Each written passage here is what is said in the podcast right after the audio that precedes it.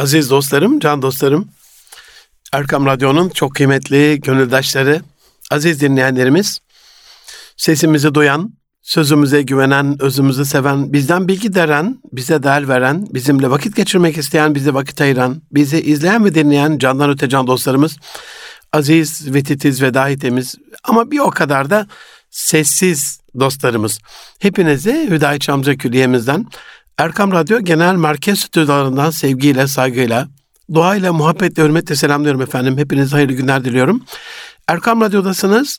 Münir Arıkan ile Nitelik İnsan programında 2024'ün 8. programında inşallah insanın temel yetkinliklerini, genel yetkinliklerini 2024'ün ana teması olan insan ve yetkinlikleri teması çerçevesinde sizlerle paylaşmaya devam ediyoruz efendim. Temel yetkinlikler ve yönetsel yetkinlikleri işlemiştik geçen 7 hafta boyunca. Fonksiyonel yetkinliklere gelmiştik aziz dostlarım.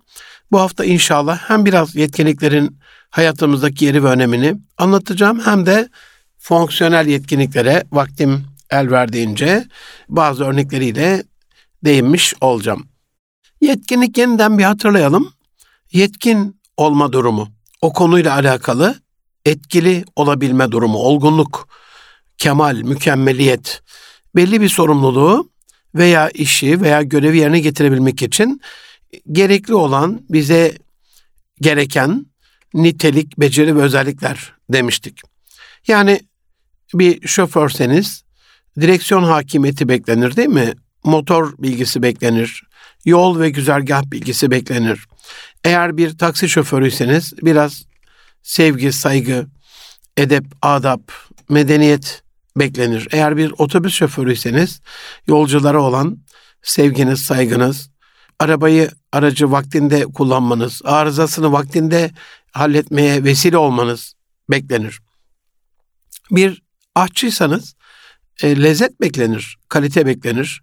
Çok lezzetli ama hijyenik değilse, temiz değilse, yemek çok temiz hazırlanmış olsa, tabaklar, restoran çok temiz olsa bile hani tırnaklarınızın ya da saçınızın ya da üstünüzün temiz olmaması, darmadağınık olması e, veya bunlar tam mükemmel olsa bile tam yemeği getirirken yemeğe doğru hapşırmanız, öksürmeniz sizden beklenmez. Dolayısıyla bu konuda temel yetkinlikler hijyen ve temizlik bilinci de olur bir aşçı ile alakalı.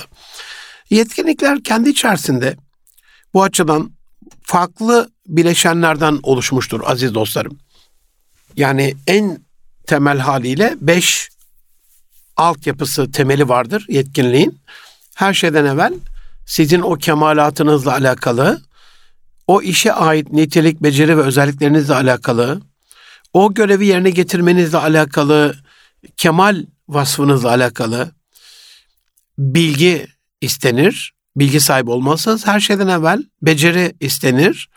Bir tutum, bir tavır, bir attitude dediğimiz davranış kalıbı ya da yöntemi, stili istenir ve beklenir. Bu önemlidir. Ve bu tavrın davranış haline dönüşmesi beklenir sonucunda da bununla bir performansa ulaşmanız beklenir. Ne kadar güzel söylemiş ecdadımız rahmet olsun hepsine. Aynesi iştir kişinin lafa bakılmaz. Yani bilgi sahibi olduğunuz veçhiyle ağzınız biraz laf yapsa bile hatta biraz da beceri sahibi olsanız ama belli bir tutum ve davranışla bunu bir performansa dönüştürmüyorsanız ya da tutumlarınız, davranışlarınız olumlu bir performansla sonuçlanmıyorsa, tam beklenen performansı sergilemiyorsanız yine bu temel yetkinliğe sahipsiniz anlamına gelmez. Yetkinlikleri nitelik ve özellik olarak ele alırsak, Şeref Oğuz abim ekonomist, ey patron sen nitelikli misin ki nitelikli eleman peşindesin diye bir geçenlerde makale yazmıştı. Çok aydınlatıcı oldu benim için. Buradan da teşekkürlerimi iletiyorum kendisine. İşte aynen öyle. Hani biz çevremizdeki her şeyden, herkesten üstün nitelikler, yetenekler, beceriler, yetkinlikler bekliyoruz. Mesela bu bir çalışanımız ise neredeyse ondan bir süpermen ayarında bir joker eleman beklentisi oluyor patronlarda. Her işten anlasın, her konuda bir fikir sahibi olsun, her sorunu cevaplasın, her sıkıştığımız anda müşkilatımızı halletsin, her eksikliğimizi tamamlasın, herhangi bir mesai arkadaşının yokluğunda bize onun eksikliğini aratmasın, her işi çözsün. Hani bunu da mı ben öğreteceğim, onu da bilsin, bunu da bilsin, şunu da bilsin. Tamam ama böyle bir Süperman Hollywood filmlerinde bile yok aziz dostlarım.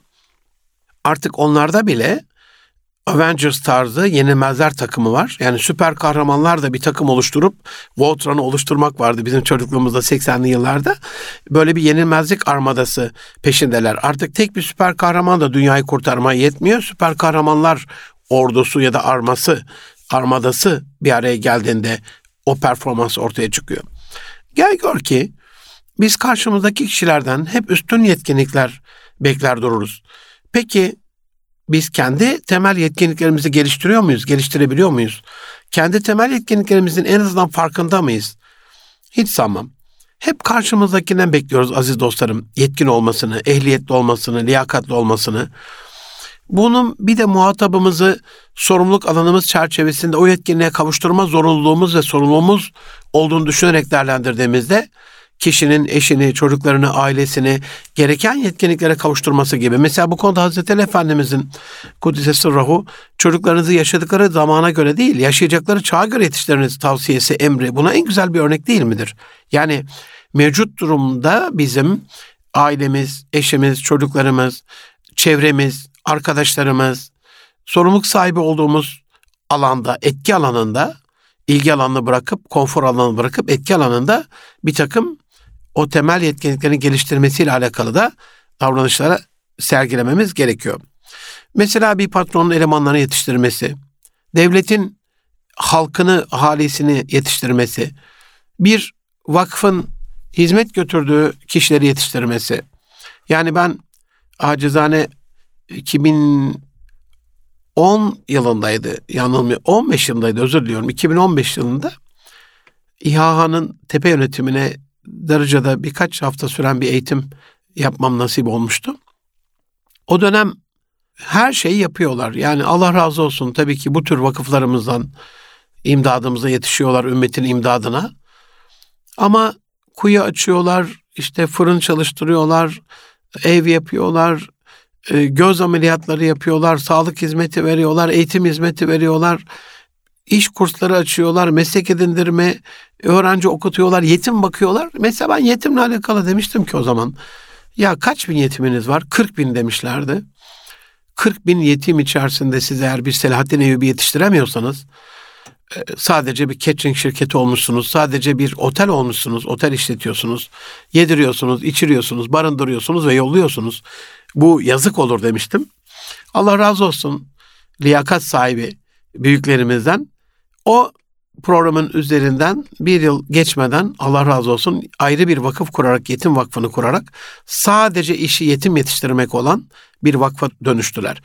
Yani evet STK'larımızın da hizmet alanındaki, etki alanındaki hedef kitle yetiştirmek, onların temel yetkinliklerini geliştirmek gibi bir vazifesi, sorumluluğu, zorunluluğu var. Ama burada da odaklanmak, Hani Peter Drucker'ın dediği gibi the most important thing in your life is to focus on your core business. Ana işe odaklanmak. Hayattaki en önemli şeyiniz. Biraz alanı yaygınlaştırdığımızda, dağıttığımızda biz de dağıtmış oluyoruz. Dolayısıyla aziz dostlarım, hep karşıdan yetkin olmasını beklemek değil, karşımızdakinin o yetkinliğe ulaşmasında da etkin olmak gerekiyor. Ama biz mesela bir araç alsak, aracın temel yetkinlikler açısından işte şu olsun bu olsun derken neredeyse hem uçan hem yüzen hem deniz altında giden hem karada en hızlı bir şekilde en güvenli bir şekilde giden çarpışmayı önleyen kazalara karşı koruyan Hani bir zamanlar çocukluğumuzda Michael'ın kiti vardı böyle siyah araba hatırlayın. Uzaktan komanda çağırırdı gelirdi yollarda giderdi. İçinden her türlü silahlar çıkar Michael'ı bütün düşmanların arasından kurtarırdı. Böyle bir araba yetkinliği, süper araba yetkinliği bekliyoruz. Burada ihtiyacımız kadarını beklemek de çok önemli. Bunu ayrı bir yetkinlikte kanaat kar olmak ya da ölçü sahibi olmak, mizanı şaşmamakla alakalı inşallah değineceğim. Bir ürün alsak, bir ev alsak, bir eşya alsak, onun temel yetkinliklerinde beklentilerimiz açısından sanırım üst sınır yok değil mi? Ama fantazinin de sınırı yok. Her şeyin bir bedeli var, her şeyin bir ederi var. İslam bu konuda aşama aşama, yavaş yavaş kemale ulaşmayı emreder. Yani hemen olmasıyla alakalı bir tavsiyesi yoktur. 40 yıllık kemale ulaşan e, Muhammedül Emin'ini yetiştirerek ona peygamberlik tevdi etmiştir, emanet etmiştir. 23 yılda Kur'an-ı Kerim'i kemale erdirmiştir, tamamlamıştır razı olduğu dini. Dolayısıyla böyle tedrici bir yavaş yavaş ağır ağır çıkacaksın merdivenlerden diyor ya. Yani her şeyin bir bedeli, ederi ve vakti olduğunu ve eşyanın fıtratında, hakikatinde bunun tedricen yavaş yavaş olması gerektiğini unutmamamız gerekiyor. Bizim mesela 5 liraya aldığımız bir kalem ile 5 bin liraya aldığımız bir kalemin temel özelliklerini nitelik ve özellikleri açısından kıyasladığımızda eşit olma imkanı, ihtimali var mı? İnsan da böyle. Hani bir birimlik iş yapan bir insan vardır. Nitelik ve yetkinliğe bir birimlik edere denktir. Ama yüz birimlik, bin birimlik ederi olan, milyon birimlik eder olan insan da vardır.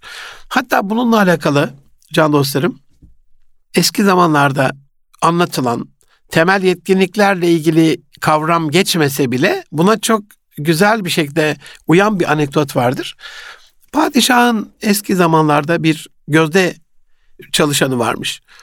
Ve bu adam kendisini geliştirdikçe geliştirmiş. Özelliğine özellik, niteliğine nitelik katmış. E, padişah en sonu onu veziri yapmış. Ama saray ahalisi de öyle yeni yetme genç bir delikanlının hızlı yükselişinden çok rahatsız olmuş. Bu adamı çok kıskanmış. Gel zaman git zaman vezir kendisini geliştirmeye devam etmiş. Niteliklerini artırmaya devam etmiş. Hikayede yetkinliklerini geliştirdikçe geliştirmiş denmiyor ama onu ben ekleyeyim. Günün manaya metine uygun bir şekilde. Çünkü aynen o anlama geliyor. Yetkinliklerini geliştirdikçe geliştirmiş ve padişah onu başvedir yapmış. Tabi bu sefer sarayda söylenmelerde ayyuka çıkmış. Padişahımız da onu pek kayırıyor. İşte hatta iyice adaletsiz olmaya başladı. İyice adaletsizlik yapmaya başladı. Baş veziri on vezir parası ödüyor ona ihsanlığı bollaştırdıkça bollaştırıyor. Gözü ondan başkasını görmüyor falan böyle söylentiler ayyuka çıkmış. Padişah da bu durumdan haberdar ama çaktırmadan gözlemliyor. Diğer vezirlerini, baş vezirinin ona olan davranışını. Neyse günlerden bir gün padişah bu duruma bir son vermek istemiş. Ee, aslında sarayda kendisine yakın çalışanlar da bir ders vermek istemiş. Vezirlerden birini çağırmış. Oturduğu sarayın pencerelerinden uzaktaki limana yanaşan, yaklaşan bir gemi işaret edip git bir bak bakalım vezirim demiş. Bu gemi nereden geliyor? Çok merak ettim. Vezir huzurdan ayrılmış hemen destur isteyip dışarı çıkar çıkmaz hemen bir adamı koşturmuş limana. Bir koşu git bakalım demiş. Bu gemi nereden geliyor? Öğren gel. Uşak da bir koşa koşa gidip koşa koşa bir solukta gelmiş. Yemen'den gelmektedir vezirim demiş. Vezir de bu cevabı aynen bir koşa gidip padişah aktarmış. Ya öyle mi demiş padişah? Peki ne kadar kalacakmış acaba limanımızda? Vezir tabii sus pus hiçbir haberi yok. E, oraya gitmemiş bile yani süklüm püklüm kem kem ederek cevap verememiş. Padişah da üstelememiş. Huzuruna öteki vezirini çağırmış. Vezirim demiş. Bu arada birinci vezir yanında duruyor tabii. Gidip bir sor bakalım şu gemi ne kadar kalacak limanımızda? İkinci vezir bu sefer bizzat gidip öğrenmiş. Hani eleman göndermemiş, uşak göndermemiş. Geminin 10 gün kalacağını ve o da aynen dönüp padişaha iletmiş. Ama padişah ikinci vezirin de hiç ummadığı bir soruyu daha sormuş. Peki demiş kaptanı kimmiş acaba bu geminin? Tabi ikinci vezir de sus pus cevap yok. Padişah üçüncü veziri gönderip kaptanı öğrenmiş. Ama üçüncü vezir de geminin hangi malları taşıdığını bilememiş. Dördüncü veziri gönderip kahve dolu geminin yükünü öğrenmiş padişah ama o da limanda ne alacak ve ne alıp geri dönecek onu bilememiş. Beşinci vezir gemideki kahvenin fiyatını bilememiş. Altıncı vezir ilave tayfa ihtiyaç duyup duymadığını. Yedinci vezir gemide bir hastalık durumu olup olmadığını. Sekizinci vezir geminin dönüş rotasını. Dokuzuncu vezir de gidiş ve gelişin toplamda kaç günde tamamlandığını öğrenememiş. Ve padişah tam o esnada başvezirini çağırmış huzura. Tabi bütün dokuz veziri huzurda dizili böyle tespih tanesi gibi. Başvezir olaydan habersiz dışarıdaki işlerini bırakıp bir koşup gelmiş huzura. Buyurunuz hünkârım demiş. Hazirun hiç ummadığı bir şekilde padişah birinci vezire sorduğu soruyu sormaz mı? Yani Hazirun'un hiç ummadığı bir şekilde olmuş bu soru. Çünkü bütün cevapları almışlar yani. Ama padişah baş vezirine git bir bak bakalım demiş bu gemi nereden geliyor. Bütün vezirler hayıflanmış. Yahu demiş ne gerek var? Kendi içlerinden tabii padişah bir şey söyleyebilirler mi? Bu geminin nereden geldiğini öğrendik. Hatta ne taşıdığını öğrendik. Kaptanın kim olduğunu, tayfaların eksik olup olmadığını, hangi rotayla geri döneceğini her türlü. Ne lüzumu var diye. Ama emirde büyük yerden boyun bükmüşler. Başvezir destur isteyip bir koşu atına atladığı gibi soluğu limanda almış, bilgi öğrenip huzura çıkmış ve tekmil verir gibi Yüce Padişahım demiş. Kaptanı Barbaros Halil olan gemi 50 kişilik tayfası ile 30 gün evvel çıktığı Yemen'den İskenderiye üzerinden limanımıza 10 ton kahve yüküyle ulaşmış bulunmakta. Gemide tam ağzınıza layık kaliteli Yemen kahvesi bulunmakta. Okkasını 3 akdeden satıyorlar. Limanda 10 gün kalacaklar çünkü 5 tayfa hastalanmış. Onun yerine 5-6 kişilik bir yedek tayfa arayışları var. 10 gün sonra yine İskenderiye üzerinden bir aylık bir yolculuk ile Afrika'yı dolaşıp Yemen'e gitmeyi planlıyorlar. Giderken de bizim dillere destan lokum akide şekerlerimizden götürmek istiyorlar. Eğer destur olursa size de bir ziyaret edip e, getirdikleri bir hediyeyi size takdim etmek istiyorlar. Padişah eliyle bir işaret etmiş. Daha anlatacakları var yani. Vezir-i Azam'ın, başvezirin. Dokuz vezire birden kinayeli kinayeli bakarak yeterli demiş Lala. Ve gördünüz mü demiş. Neden başvezire dokuzunuzun ücretinin e, bir toplamı kadar bir maaş veriyorum? Çünkü dokuzunuzun yaptığı işi tek başına yapıyordu ondan. Tabii bunu çocukluğumuzda büyüklerimizden çok duyardık. Onlar da Allah razı olsun yani mezarlarına, ruhlarına ağır varmasın. Hepsinden e, razıyız. Hepsine, bütün geçmişlerimize haklarımız helal. Bütün insanlığa haklarımız helal. Biz kimiz ki kimde ne hakkımız olacak? İnşallah onlar da bizimle alakalı haklarını helal ederler. Ama Buna hep böyle taciz ederek söylediler. Hep bizi eleştirerek, zaman zaman aşağılayarak söylediler. Ama gelin çocuklar, yavrular sizin bu konudaki yetkinliğinizi bir geliştirelim gibi. O zamanlarda bunun adı zaten yetkinlik değil ama olsun. İslam bir kemalat süreci, kemalat yolculuğu. insanı kamil olmakla alakalı çok fazla bir destekte de bulunmadılar. Ama Allah razı olsun elbette eğitimimizi, öğretmenlerimizi, okullarımızı, e, tahsil hayatımızda en azından onlar yapmadıysalar da ya da yapamadıysalar da yapılmasıyla alakalı bizi rotada tutmakla alakalı da. O zamanki genç ve çocuk aklımızla bu taciz bile olsa hani taciz etmek anlamına e, aşağılamak anlamına söylüyorum yanlış anlaşılmasın böyle horvakir görmek adına söylüyorum. Ya işte kendinizi geliştirmiyorsunuz, kendinizi yetiştirmiyorsunuz. Bak padişahın bir tane başveziri dokuz vezirin işini yapıyor falan derken keşke bizi dokuz insanın temel yetkinliğine ulaştıracak bir eğitim, kişisel gelişim, kurumsal gelişim, aile içi iletişim, teknik mesleki gelişim, belki biraz bedensel sağlığımızla alakalı hani wellness or well-being deniyor yeni dünya düzeninde buna.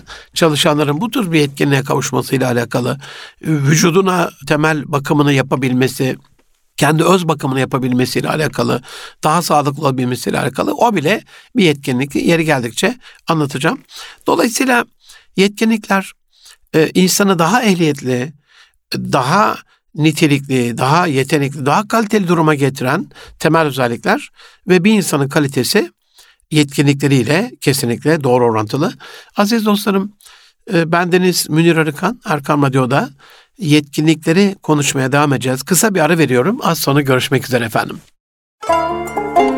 Buluşma noktamız Erkan Radyo. Aziz dostlarım, can dostlarım, Erkam Radyo'da Münir Arıkan'la Nitelikli İnsan programı kaldığımız yerden devam ediyor. Yetkinlikleri konuşuyorduk sizinle. Bir insanın yaptığı işi daha iyi yapabilmesiyle alakalı öncelikli olarak bilgisini artırması, daha fazla bilgi sahibi olması, becerisini artırması, tutumunu değiştirmesi ya da dönüştürmesi, geliştirmesi, davranışını çok daha uygun bir hale getirmesi ve gerçekten üstün bir performans sergilemesi, ondan beklenen performansı sergilemesi gerekiyor demiştik. Ben acizane şirketlerde yönetici koçluğu yaparken, aile şirketlerinde veliaht yetiştirme programları düzenlerken bir konuda diyelim bir yetkinlik artırmamız gerekiyor.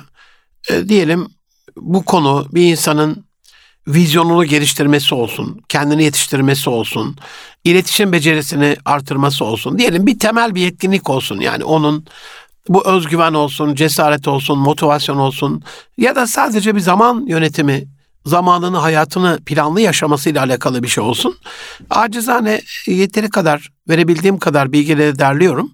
Ama her hafta yaptığımız toplantıların sonunda bununla alakalı bir podcast dinlemelerini, bir TED Talks'tan bir video izlemelerini, internette bir sürü video var. Önemli gurulardan, üstadlardan, uzmanlardan bizzat katılacakları seminerde var. Bir seminere katılmalarını, iş dünyasının bir zirvesinin, son zirvelerinden bir tanesini bununla alakalı izlemelerini, bir panele katılmalarını ya da yapılmış bir paneli izlemelerini, bir webinarı mutlaka web üzerinden seminer anlamında almalarını, ücretsiz milyonlarca webinar var. Konuyla alakalı bir video izlemelerini, bir kitap okumalarını, en azından gözden geçirmelerini, e, bir dergiden birkaç makale okumalarını konuyla alakalı, bir bilimsel makaleyi, bir araştırma raporunu, bir yüksek lisans veya doktora tezini incelemelerini ve KPMG gibi, Ernest Young gibi, e, PricewaterhouseCoopers gibi, Deloitte gibi danışmanlık ve denetim şirketlerinin hazırladıkları ya da hazırlattıkları raporları, araştırma raporlarından bir tanesini bununla alakalı okumalarını mutlaka öneriyorum. Bu da bir yetkinlik geliştirme ile alakalı benim acizane bir stratejim. Katılanların haşa yalancısıyım, yalan da değil, doğru sözlü dostlarımdır hepsi çok faydalı olduğunu söylüyorlar. Dolayısıyla 360 derece geliştirme diyoruz buna. Sadece mesela eğitim hayatında bir öğretmenin gelip size beyninize bilgi yüklemeye çalıştığı bir dönem artık gerilerde kaldı. İnsanlık tarihinde ilk defa sınıftaki ilmi talip, ilmi talep eden öğrenciler bulundukları ortam itibarıyla kürsüdeki oturan öğretmeninden çok daha ilerideler. Bilgi, beceri, yetkinlik ve yetenek adına sosyal medyada onu ondan daha ilerideler. Bilgisayar kullanımında, telefona hakimiyette, network'te, arkadaşlıkta, dünyayı takip etmekte öğretmenlerimizi tenzih ederim. Ama bir anne baba olarak çocuklarımın çok gerisinde kaldığımı hissediyorum. Ben 1994'te evlendim. Çerkez kızı Sema Hatun'la. Evlendiğimiz ilk 3 e, ay içerisinde şu tarz konuşmalar yaptık Sema Hatun'la. Bir tanem hicret ediyoruz şoka uğramıştı Çerkez kızı ilk söylediğimde.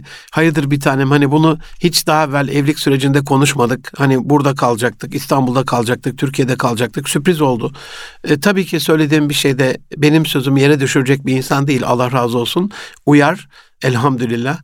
Maşallah, mabarekallah. Dualarınızı bekleriz bu konuda. Bana bütün samimiyetime söylüyorum. Uyar. Allah öyle bir eş lütfetti. Hepimize öyle bir eş lütfetsin inşallah. Dua buyurun nazardan, kötü sözden, kem gözden, hasetten, kinden, gıybetten, gayzdan, buğzdan, malayaniden, büyüden, sihirden, nazardan Allah muhafaza eylesin hepimiz amin. Ama o gözlerindeki şoku da hiç unutamıyorum 30 yıl geçmesine rağmen. Hani hiç böyle bir şey konuşmadık hayırdır bir tane nereye cet Yok dedim yok kalacağız burada bedensel olarak kalacağız ama ruhsal olarak biz artık bu ülkede değiliz. Bu ülkenin ilgi alanımızdaki sorunlarını bırakıp kefemizden onları indirip kendi sorumluluk alanımızla alakalı doğacak çocuklarımızın şu anda kurduğumuz yuvanın sorumluluklarını yükleneceğiz. Etki alanımızda bu aile olacak. Biz kendimizi yetiştireceğiz. Hatta İlkokul müfredatı ile alakalı birinci sınıftan başlayarak kitapları alacağız. Yavaş yavaş bunları okumaya başlayacağız. Şimdi düşünsenize yani bir yıl sonra bir çocuğumuz olsa ki elhamdülillah Dilara Büşra'mız bir yıl sonra doğduğunda biz epey bir ilerlemiştik. E, beş yılda e, büyümesini bekleyin. Altı yıl yani 94'te evlendik. 2000 yılınla alakalı birinci sınıfa gidecek. Ama bizim 2000 yılına hazırlanmamızla alakalı o 94'te başlayan bir gelişim stratejisi olmasaydı elhamdülillah televizyon evde bir e, manevi ablam hediye etmişti ama hiç açılmadı. Üzeri dantelli bir köşede durdu. Çok şükür elhamdülillah. Ve biz kendimizi yetiştirme ve geliştirme ile alakalı, yetkinliklerimizi yetkinlik katmayla alakalı bir sürecin içerisine girdik. Bu çabamıza rağmen şimdi bakıyorum yani çocuklarımın çok gerisindeyim. İnanılmaz ilerliyorlar. Ben babam rahmetli ahir ömründe böyle bir e, kitap yazmakla ilgili ikna etmiştim. Notebook aldı. Laptop dediğimiz. Ondan sonra bilgisayar kullanmayı öğrendi. Ama zaman zaman arardı beni. 10 yıl, 15 yıl kullanmasına rağmen epey de bir müktesebatı var. Yazmasına rağmen e, arardı. Yavrum işte nasıl açılıyor? Word'un nasıl açıldığıyla alakalı, bir dosyayı nasıl kaydetmekle alakalı ya da kayıtlı bir dosyaya nasıl ulaşmakla alakalı. Zaman zaman da böyle yanına gittiğimde inanılmaz şekilde dosya üstüne dosya kaydettiğini, aynı şekilde bir sürü dosyayı aynı isimle kaydettiğini falan şahit olmuştum. Ama 4-5 yaşında e, bir çocuk inanılmaz bir şekilde e, bilgisayar kullanımıyla alakalı hatta okuma yazma bilmeden evvel 2-3 yaşındaki bir çocuğun akıllı telefonlarla ulaşmak istediği bütün e, videolara, oyunlara, filmlere ulaşmasıyla alakalı temel yetkini ve becerisi olduğunu hani insanlar kendi zamanlarının, kendi çağlarının vatandaşıdır denmiş ya aynen öyle bunu görüyoruz. Bu açıdan aziz dostlarım hani temel yetkinlikler, yönetsel yetkinlikleri işledik, fonksiyonel yetkinliklere gelmiştik. Biraz e, fonksiyonel yetkinliklere değinmek istiyorum. E, fonksiyonel yetkinlikler, function adı üzerinde fonksiyon, bir çalışanın belirli bir görev veya iş fonksiyonunda başarılı olması için gereken teknik bilgi, beceri, deneyim ve performansı ifade eder. Bu yetkinlikler o kişinin belirli bir alanda ya da belirli bir iş alanında etkin olmasını, liyakat sahibi olmasını sağlar ve genellikle o alandaki uzmanlık düzeyini yansıtır. Ve o uzmanlık düzeyiyle alakalı beklenir. Hani şirketlerde farklı departmanlar vardır. Her departmanın e, temel yetkinlikleri functional anlamda birbirinden çok farklıdır. Şöyle temel yetkinlik bazında bir iletişim becerisini, bir zaman yönetimi temelde hepsinden bekleriz anlayışlı olmasını, empatik olmasını, takımdaşlık katsayısının yüksek olmasını ama fonksiyonel yetkinlikler dediğimizde mesela finans ve muhasebede çalışan insandan insan kaynaklarındaki kişiden beklediğimiz yetkinliği bekler miyiz? Hayır. Ne bekleriz? İşte finans ve muhasebede finansal raporlama, Hatta finans ve muhasebe ile alakalı o bölümde olan kişiden beklediğimiz yetkinliği o şirketin tepe yönetimindeki kişiden bekler miyiz? Elbette şirket sahibi, patron, iş adamları finansı bilecekler ama şimdi ne yapıyorlar uzmanlar? E, finansçı olmayanlar için finans diyorlar. Bak orada bile yetkinlik bazında fonksiyonun icrası ile alakalı kat sayısı düşük oluyor. Yöneticilere farklı bir finans finansçı olmayanlar için finans diye asıl finansçılara farklı bir finans. Derin, inner, deeper bir 360 derece finans. Dolayısıyla hani bütçeleme ve mali planlama gibi, vergi yönetimi gibi, mevzuat hakimiyet gibi, muhasebe işlemleri gibi, hesap yönetimi gibi, bütün o bilançoların, kar zarar tablolarının oluşturulması gibi ya da bankalarla ya da fon sahipleriyle, şirketleriyle, iletişim gibi bazı yetkinlikler bekleriz. Eğer bu bir şirkette bir insan kaynakları uzmanıysa ya da yöneticisi ise özellikle iş süreçlerinde bunu çok detaylı inceleyeceğim. Merak etmeyin. Hani bu yılı yetkinliklere ayırdık. Yüzeysel hemen hani finans ve muhasebe bu kadar mı yani? 3-4 yetkinlik mi? Bunu çok detaylı bir şekilde inceleyeceğiz. Merak etmeyin. Ben insan kaynakları departmanında tahminen 50'ye yakın temel yetkinlik oluşturdum. Bunu İK'daki bütün arkadaşlarıma ifade ediyorum. Koçluk yaparken anlatıyorum. Stratejik İK dediğimiz kısım zaten böyle bir şey ama temelde baktığımızda e, bu fonksiyon adına insan kaynaklarının işte işe alımdan başlayarak o seçme sürecinde mülakat tekniği bile e, iş görüşmesinde soracak soruların işe uygun olup olmaması bile bir fonksiyonel yetkinliktir. Performans yönetimi ve performansın değerlendirilmesi, talent management diyorlar. Hatta yani e, authority management diye artık otorite yönetimi bile kimin eli kimin cebinde haşa belli olması adına herkesin etkili ve yetkili alanda kalmasıyla, haddini bilmesi, sınırını taşmamasıyla alakalı bir yetkinlik gerekiyor. Personelin eğitimi, geliştirilmesi, yetiştirilmesi, işçi ilişkileri, iletişimi ya da iş yasalarıyla alakalı mevzuata hakimiyet, İSG mevzuatına ya da hukuku meri mevzuatta geçerli cari hukuku bilmeyle alakalı bir yetkinlik gerekiyor. Pazarlama ve satışa baktığımızda onların pazarlama ve satış fonksiyonu adına herhalde son yılların, son dönemin en böyle marka ya da meşhur fonksiyonu olan neuromarketingi bilmesini bekleriz değil mi? Tüketici davranışları, Bu anlamda pazar araştırması ve pazarın analizi, belli bir pazarlama stratejisi geliştirmesini, ürün ve ürün gamını yönetmesini, bir satış stratejisi oluşturmasını, bir müşteri ilişkileri yönetimini bekleriz. Ya da pazarlamayla alakalı son dönemde Integrated Marketing Communication deniyor buna. Sadece bir pazarlama ya da satış ve pazarlama değil, bütünleşik pazarlama iletişimi.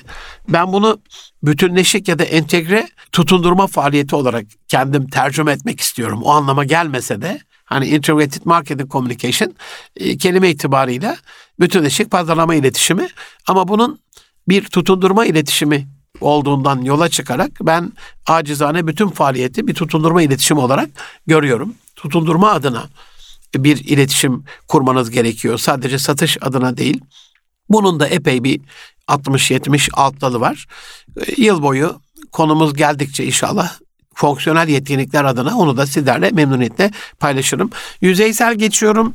8. programdayız. 2024'ün girizgah kısmındayız aziz dostlarım merak etmeyin.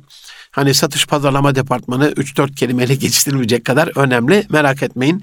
Satış pazarlama alanında çalışan kardeşlerimizin ne tür temel yetkinliklere ve fonksiyonel yetkinliklere sahip olması gerektiğiyle alakalı her bir yetkinliği inanın bir ara Hürriyet İK'da müşterimiz öldü yaşasın müşteri biz demiştim. Yani Manisa'nın M'siyle müşterimiz değil de Bursa'nın B'siyle müşteri biz. Satışta empati mesela bu bile bir fonksiyonel yetkinlik. Dolayısıyla her birine temelde değineceğiz. Yeri geldikçe girizgah kısmında olduğumuzu yeniden sizlere hatırlatmak istiyorum. Bu fonksiyonel yetkinlik adına şirketlerde mesela bilgi teknolojileri ve yazılım geliştirme grubuna baktığımız zaman gerekli olan bütün programlama dillerini bilmesine gerek yok. O yazılımla alakalı en uygun, en optimum dili kullanmaları değil mi? E, ama biz hepsini bilsin, hepsinden tecrübesi olsun istersek bu sefer derinlemesine detaylı yetkinlik geliştirmemiş oluyorlar. Ağ yönetimi ve güvenliği, veri tabanı yönetimi, database management özellikle, uygulama, sistem analizi, bunun entegrasyonu, user friend dediğimiz kullanıcı dostu bir yazılım geliştirme, bunun güvenliği, çoklu kullanımdaki sıkıntısı, ne kadar yüklenebiliyorsunuz? Bunun donanım kısmı da çok önemli. Yani o yazılımı hangi server'a kurup kimlerle e, entegre ediyorsunuz. O da bir e, fonksiyonel yetkinlik. Ya da bir mühendislik ve üretim alanında baktığımız zaman hani ürünün argesi, tasarımı, dolayısıyla e, 3D tasarım hatta holografik tasarım e, mühendisliği var şu anda. Üç boyutlu VR ve augmented reality, AR yöntemiyle ya da aracıyla, tool'uyla diyelim bir ürün tasarımıyla alakalı bir süreç var ya da yöntem var. Üretim süreçleri, bunun otomasyonu, kalite kontrolü, güvencesi. Eğer bir üretimden ve mühendislikten bahsediyorsak malzeme mühendisliği bile ayrı bir e, bilim dalı haline geldi. Hatta malzemenin yüzeyi Ali Erdemir'i minnetle yad edelim. Dünyanın bu alandaki en yetkili kişisi çok fazla bilinmez. Ama triboloji dediğimiz yüzey bilimi ifadesini dünyaya kazandıran muhteşem bir insandır e, internetten araştırmanızı tavsiye ederim. Kendisi Türkiye'de çok bilinmez ama seminerlerimde en çok anlattığım insanlardan bir tanesidir. Teflondan şöyle söyleyeyim. Hani yüzey bilimi neden önemli? Bakın e, bir ürün yapıyoruz. Bunun malzemesi çok önemli. Ama önceden bunun şekline, şemale, fonksiyonuna bakılırdı. Mühendisler de buna odaklanırdı. Şimdi iç, içerik olarak malzeme işte kanserojen olmayacak değil mi? Yıpranmayacak, dokunduğunuzda bir deneyim yaşatacak size uygun bir şekilde tasarımı, görseli, rengi değil mi? Şekli şemali. Ama bunun malzemesinin dışında bir de en dışının yüzeyiyle alakalı bir bilim dalı gelişmiş olması ne oldu? Teflondan 40 kat daha kaygan bir malzeme bulmasına her birkaç yılda bir farklı bir malzeme dener. En son nanoteknolojiyle hatta bordan böyle bir şey yapmıştı. Ali hocamız. Dolayısıyla hani deeper, inner dediğimiz derinlemesine, deruni uzmanlıkta yetkinliğin sınırı yok. Fonksiyonun en ideale ulaşmasıyla alakalı kulle yevmin huve fi şen ayeti bize düstur olursa inovasyonu da sınırı yok. O her an bir yaratma halinde olduğuna göre, hikmetle mümini tıkmalı olduğuna göre, onu nerede bulursa alsın, utlubul ilmi ve lebistin, ilim içinde bile olsa alın tavsiyesi bize yapıldığına göre, beşikten mezara ilim her kadın ve erkek Müslümana farz olduğuna göre, iki gün eşit geçen de ziyanda olduğuna göre, her gün bir adım ileri bir basamak yukarı Kaizen felsefesiyle her dem taze doğarız bizden kim usanısı diyor ya Yunus. E, Allah ondan ebeden razı olsun. Kariyer patinajı yapmamamızla alakalı hep ileri hep yukarı böyle bir gelişim yolculuğu bizim düsturumuz olmalı diye düşünüyorum. Bu açıdan hani mühendislik ve üretimde böyle ama müşteri hizmetleri ve desteğe baktığımızda da hani müşterilerle ilişkileri yöneten, sorunları gideren, sorunları uygun bir vakitte çözümleyen, sorun olmayacak diye bir şey yok. Yani dünya sorunlar yumağı. Bunu çözeceksiniz. Zaten sorun olmasa şirket de olmaz. Yani herkes kendi işini kendi yapabiliyorsa niye var müşteri hizmetleri? E, niye satış sonrası destek hizmetleri var? Ortaya bir sorun çıkabilir. Bunu çözerken ki tavrınız, oradaki fonksiyonunuz, oradaki edebiniz, adabınız, ahlakınız, samimiyetiniz, e, müşteriye kendini iyi hissettirmeniz ve ona ulaşma şekliniz, onun gönlüne girme şekliniz olur. Hatta müşteri bu anlamda iyi ki ben bu sorunu yaşamışım. Bir sorunun nasıl çözüleceğini de sizden öğrendim diye bizimle ilgili güzel bir deneyime kavuşmuş olabilir. Ve bununla da ürün veya hizmet bilgisi de tabii ki gerekiyor. Müşteri memnuniyeti yönetimini sağlamanız gerekiyor. Şirketlerde lojistik ve tedarik zinciri son dönemde özellikle tedarik zinciri kavramı çok yaygınlaştı. Depo yönetimi, değil mi? Deponun özel barkodlu sistemlerle yönetimi, otomasyonla yönetimi, hatta deponun dark factories konseptiyle karanlık depo olması. Niye? Zaten smart porter dediğimiz Amazon'da, Walmart'ta olduğu gibi akıllı hamallar taşıyor. Yani tekerlekli robotlar gibi düşünün. Forkliftin daha küçüğü. Bütün malları onlar taşıyor. Ya da minik robotlar var. İnanın raflara çıkıp raflardan malzemeyi alıp o forkliftlere yüklüyorlar. Ya da forkliften alıp raflara çıkartıyorlar.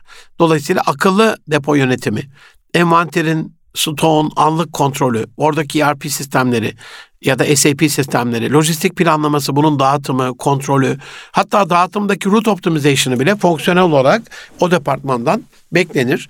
Dağıtımda %10'luk bir iyileştirme bile zaman açısından da benzin sarfiyatı açısından da elemanların etkinliği açısından da inanılmaz fonksiyonel manada lojistiğe bir katkı sağlar. Dolayısıyla e, hem tedarikçi ilişkilerini iyileştirmek, hem dediğim gibi hattı, güzergahı, dağıtımı etkinleştirmek, bu kişilerin temel yetkinlikleri ya da fonksiyonel yetkinlikler arasında e, tabii ki e, bu işin yapılmasıyla alakalı hukuki boyutta sözleşme yönetiminde bunlardan bekleriz bu arkadaşlardan. Ya da lojistiğin maliyet analizini doğru bir şekilde yaparak şirketi daha karlı bir hale getirmelerini de bekleriz. Dolayısıyla Hani kısaca girizgah kısmını değinmiş oluyorum aziz dostlarım. Ne şirketlerde fonksiyon olarak sadece bu kadarcık fonksiyon var. İnşallah gelecek hafta biraz şir- girizgahta bir şirkette hangi sektörde olursa olsun bulunması gereken ana departmanları bir organizasyon şeması çerçevesinde ele alıp sonra onların alt fonksiyonel yetkinliklerini kısaca inşallah gelecek hafta değineyim. Bu anlattığım kadar bunlarla sınırlı değil ama işletmenin ihtiyacına, bulunduğu sektöre, e, yaptığı fonksiyona görevi bağlı olarak farklı bir takım yetkinlikler de gerekebilir. Ama 8. programı bitirdik bu hafta bu şekliyle. İnanılmaz bir şekilde daha önümüzde hani 44 program var. 44 hafta var. 44 hafta 41 buçuk kere maşallah desek yani iki buçuk fazlamız var. Yeteri kadar değineceğimden emin olabilirsiniz. Farklı uzmanlarla Hatta gelecek hafta çok güzel bir konuğum da olabilir. Artık yavaş yavaş yetkinlik olduğuna göre insan kaynakları müdürleriyle de değerli dostlarımla farklı şirketlerin tecrübesini, onların yetkinliğe bakışını, e, insana bakışını, e, onların da diliyle, bakışıyla, paradigmasıyla, bakış açısıyla sizlerle buluşturmak istiyorum. Dualarınızı beklerim bu konuda. Dolayısıyla daha detaylı ele alacağız. Önemli olan şu, ne olursunuz bu programı yapma amacım ümmeti Muhammed'in mahvu perişan olduğu bu dönemde e, bir kaptaki yala üşüşmüşler gibi tepemize üşüştüğü e, küfür dünyasının bir dönemde eğer biz su süprüntüsü üzerindeki o çerçöp gibi, saman çöpleri gibi dersiz hale gelirsek, niteliklerimiz, yetkinliklerimiz kıymetsiz ve etkisiz haldeyse ümmeti Muhammed etkisiz ve etkisiz olacak. Dolayısıyla başımızda daha çok üşüşecekler bu program dolayısıyla bizi biraz daha bu temel yetkinlikler adına daha kaliteli, daha nitelikli, daha yetenekli bir hale dönüştürmeye vesile olsun diye yapılıyor. Ne olursunuz iki gününüzü eşit geçirmeyin. Kendinize sürekli geliştirin. İki gün eşit geçen ziyandaysa okuyarak, yazarak, paylaşarak, istişare ederek, gezerek, görerek, düşünerek, tefekkür ederek Ramazan da yavaş yavaş yaklaşıyor aziz dostlarım. Bir itikaf, bir derun tefekkür ve idrak ruhaniyetine bürüneceğimiz mukaddes, mübarek, muazzez bir aya giriyoruz inşallah. İki hafta kaldı.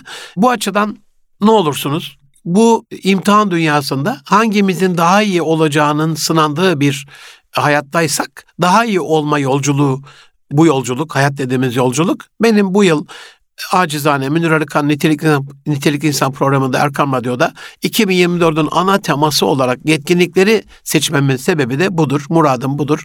İnşallah daha kaliteli, daha nitelikli, daha yetenekli, daha becerikli, daha yetkin bir insan olabilmemizle alakalı çabamızı elimizden gelenin en iyisiyle yaptığımız Allah'ın da bu konuda bizden razı olduğu, peygamberimizin göz aydınlığı olacak, ümmeti Muhammed'in kalbinde sevinç doğuracak bir yetkinliğe ulaşmamız ve kavuşmamız temennisiyle hepinizi Rabb Celle'ime emanet ediyorum. Hoşça kalın. Allah'a emanet olun efendim.